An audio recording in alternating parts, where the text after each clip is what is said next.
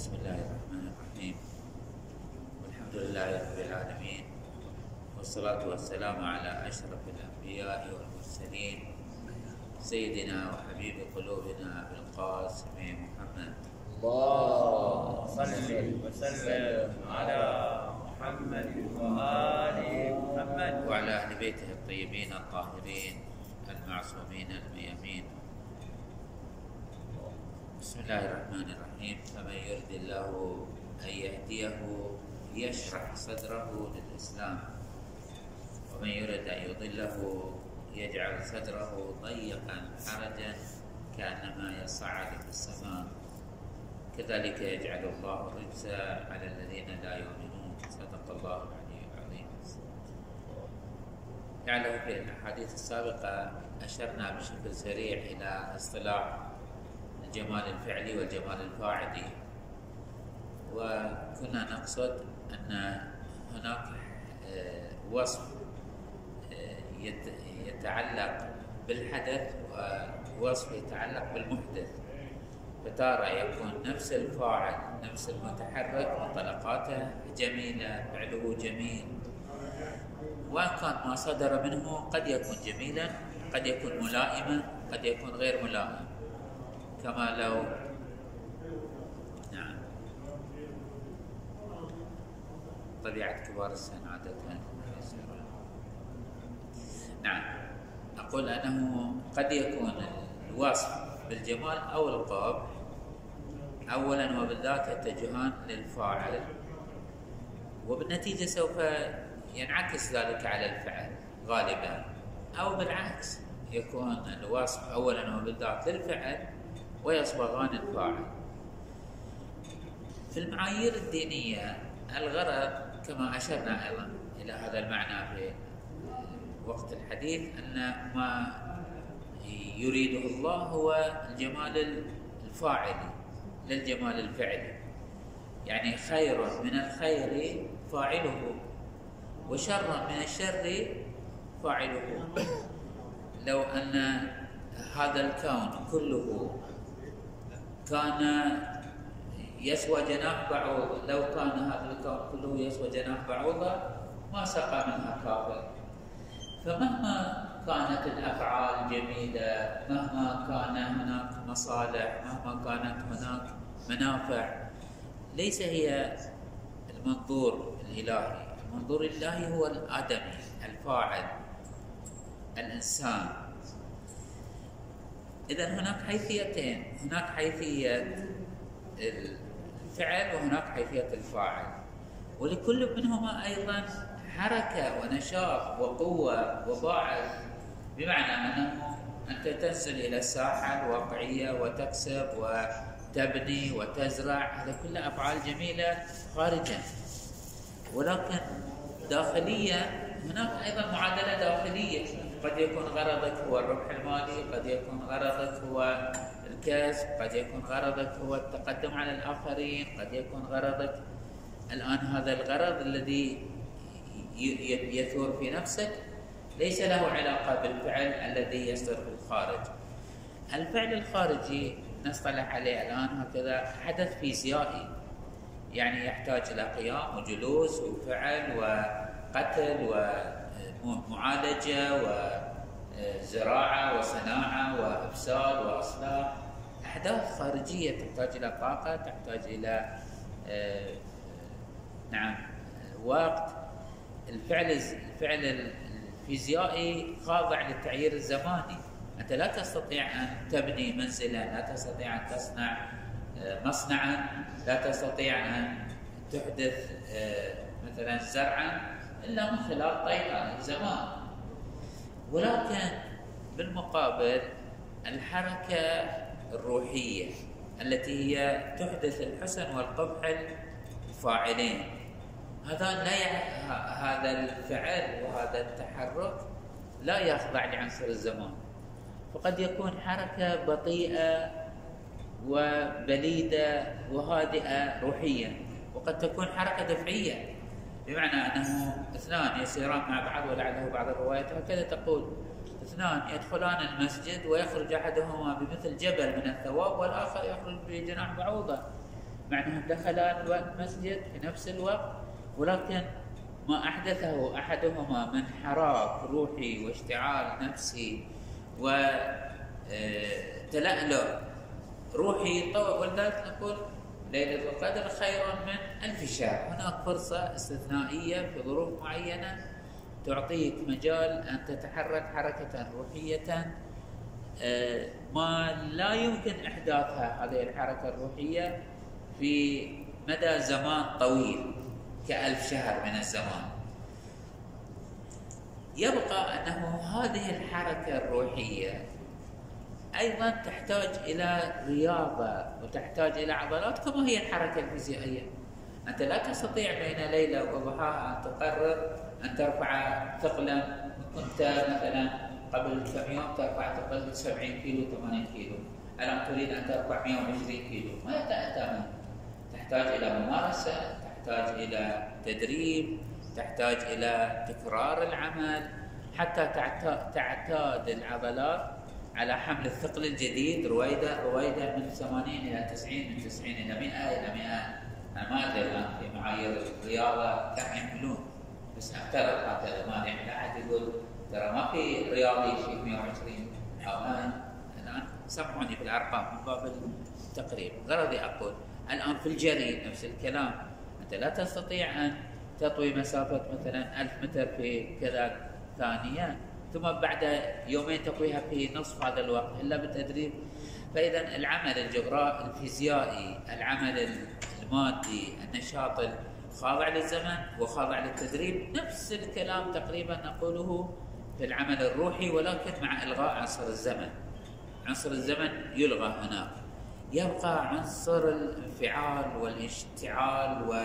ولذا وجدنا من بعض النماذج أنه طوى مراحل طويلة في زمن مضغوط جدا. كما لعله كررنا لكم هذا الكلام الزهراء عليه السلام عمرها المديد كله لا يصل إلى عشرين سنة. الآن بعضنا طول العشرين الثالثة والرابعة ستين سنة سبعين سنة. ولكن هذا المدة الطويلة ما استطاع أن يطوي ما طوته هذه الفتاة. سلام الله عليها في هذه المرحلة المضغوطة ولكن المسألة تحتاج إلى آه، آه، عنصرين يشتعلان. أنا أمثلهما شبيهة بالصواريخ التي تنطلق في السماء يضعون مادتين كيميائيتين أو أكثر أنا ما أدري متخصصين. عندما تتفاعل هاتين المادتين يحدثان انفجارات وانفعالات شديدة تعطي هذا الكبسولة قدرة على الانطلاق في آفاق الوجود. هذان العنصران هو عنصران الخوف والرجاء. بمقدار ما يكون الإنسان فعلا يشتعل في أعماقه حالة من الخوف حالة من القلق حالة من الاضطراب الإيجابي ليس الاضطراب السلبي ليس الخوف المثبط ليس الخوف آه، الذي يثير في النفس حالة من الاستسلام والإحباط وإنما يكون هناك خوف شديد خوف وقلق شديدين يختلطان يختلط هذا الخوف مع حالة الرجاء. لا ينفي أحدهما الآخر. وإنما يحدثان تفاعلا كيميائيا روحيا ينبعث من خلالهما الإنسان في حركة وطي مراحل التكامل النفسي. هذا ال ال هذه الكيمياء وهذه المخلوط وهذا المعجون الإلهي الإستثنائي هو صنعة إلهية.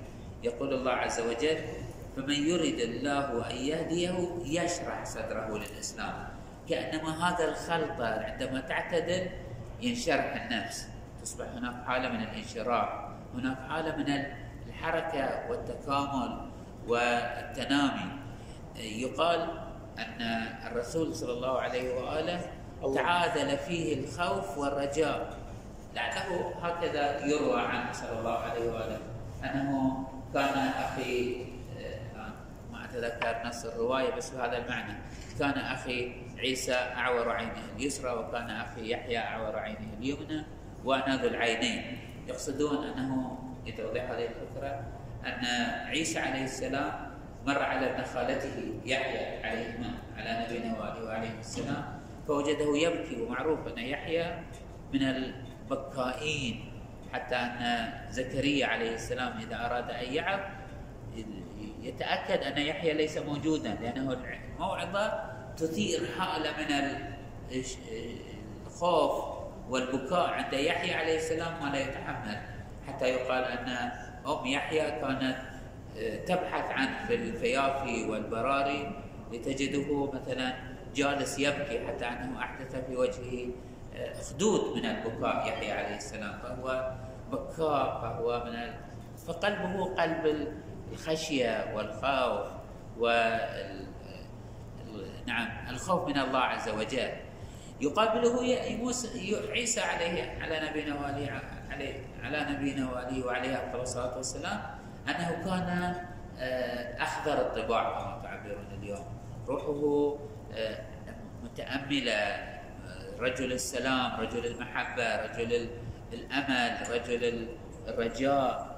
فيقال أن عيسى عليه السلام مر على يحيى فرآه يبكي فقال له ما لك تبكي كأنك لا ترى رحمة الله؟ فقال له يحيى وما لك لا تبكي كأنك لا ترى قدرة الله وجبارانية الله؟ الآن الرواية ليست بهذا النصوص ولكن بهذا التقريب. قلب يحيى عليه السلام قلب ناظر إلى الجلال الإلهي. قلب عيسى عليه السلام ناظر إلى الجمال الإلهي. فينعكس عليهما؟ طبعا هذا لا يعني أنهما ليس معتدلين. هم أنبياء معصومين. وإنما في مراتب العصمة هناك أيضا مستويات. عندما يأتي الرسول صلى الله عليه وآله فإنه يمثل الاعتدال الاتام تعادل الخوف فيهم ورجاء فلم يبرد بهم آه، طمع يوما ولا وجل هناك حاله من التوازن. ولكن هذا الانفعالات هذا آه، الانشحان الداخلي هو الذي يحدث التكامل يحدث الترقي يحدث التسامي. نحن في هذه الأيام الكريمة يجب أن نضع أمامنا المعيار الواقعي لهذه الحركة. لا تجعلوا لا تكونوا كما يعبر بعضهم عدديين. عدديين يعني تحسب اليوم أنا صليت خمسين ركعة وقرأت مثلا ثلاثة أجزاء من القرآن. ليست هذه المعايير ليس هو هذا الآية أصلا في القرآن ليس هو هذا الذي بين هذا فعل آه، اجتماعي تواضعي بشري. هو أنه يضعون آه، أرقام بعنوان هذه آية وهذه آية. ولعله ذكرت لكم في مرات سابقة هذا المعنى. عندما تقول الروايات أنه من قرأ آية فكأنما ختم القرآن هناك آية في القرآن أصغر آية ما هي يقولون؟ مدهامتان. آية من أولها آخرها أو مثلا. فواحد يقعد بدل ما يقرأ سورة آية اسمها في سورة البقرة نص صفحة آية الرهان يقعد يقول متهمتان متهمتان كل ما يقول متهمتان قرأ آية. ليست آية بمعنى أنه ما وضع بين قوسين. آية بمعنى ما يثير في النفس استدلال على قدرة الله وتدبيره و... ولعله تقرأ ست صفحات وأنت لم تقرأ آية. ولعله تقرأ كلمة واحدة تثير في نفسك. حالة من الأمل حالة من الرجاء حالة من ال... أنا أعرف بعض المؤمنين عندما يقرأ مثلا قوله عز وجل فلما دخل عليها زكريا كلما دخل عليها زكريا المحراب وجد عندها طعام قال أنا لك هذا؟ قالت هو من عند الله. هنالك دعا زكريا ربه. لماذا هنالك؟ لأنه نفس رؤيته عليه السلام رؤية زكريا للطعام يؤتى لمريم عليه السلام وأنه هذا من فضل الله ومن وإلى أتان في نفس حال من الرجاء وهو رجل كبير لا يتأمل في أن ينجب رجل عقيم وزوجته عقيم لم ينجباه. ولكن هذه الحادثة أثارت في نفس زكريا عليه السلام حالة من الرجاء. بعضهم يقرأ هذه الآية تفتح في نفسه مقدار كبير من الرجاء. خلاصة القول أخواني نحن في هذا الشهر الشريف نحتاج أن نركز كما يعبرون عن الكيف لا عن الكان. إذا استطعت أن في هذه الشهر الشريف أن تقف بين يدي الله وقفة خوف واقعا وقفة رجاء من الله عز وجل فهي هذه ليلة قدرك هي هذه ساعة قدرك. تتحقق كما تعبر بعض الروايات إذا آه، دمعت العينان هناك هناك. هناك هناك يعني فتحت لك أبواب الرجاء والعطاء والمن الإلهي. نرجو من الله سبحانه وتعالى أن يوفقنا وإياكم إلى أن نكون من المهتدين الموفقين والحمد لله رب العالمين. صلى الله على محمد وعلى بيته الطيبين الطاهرين.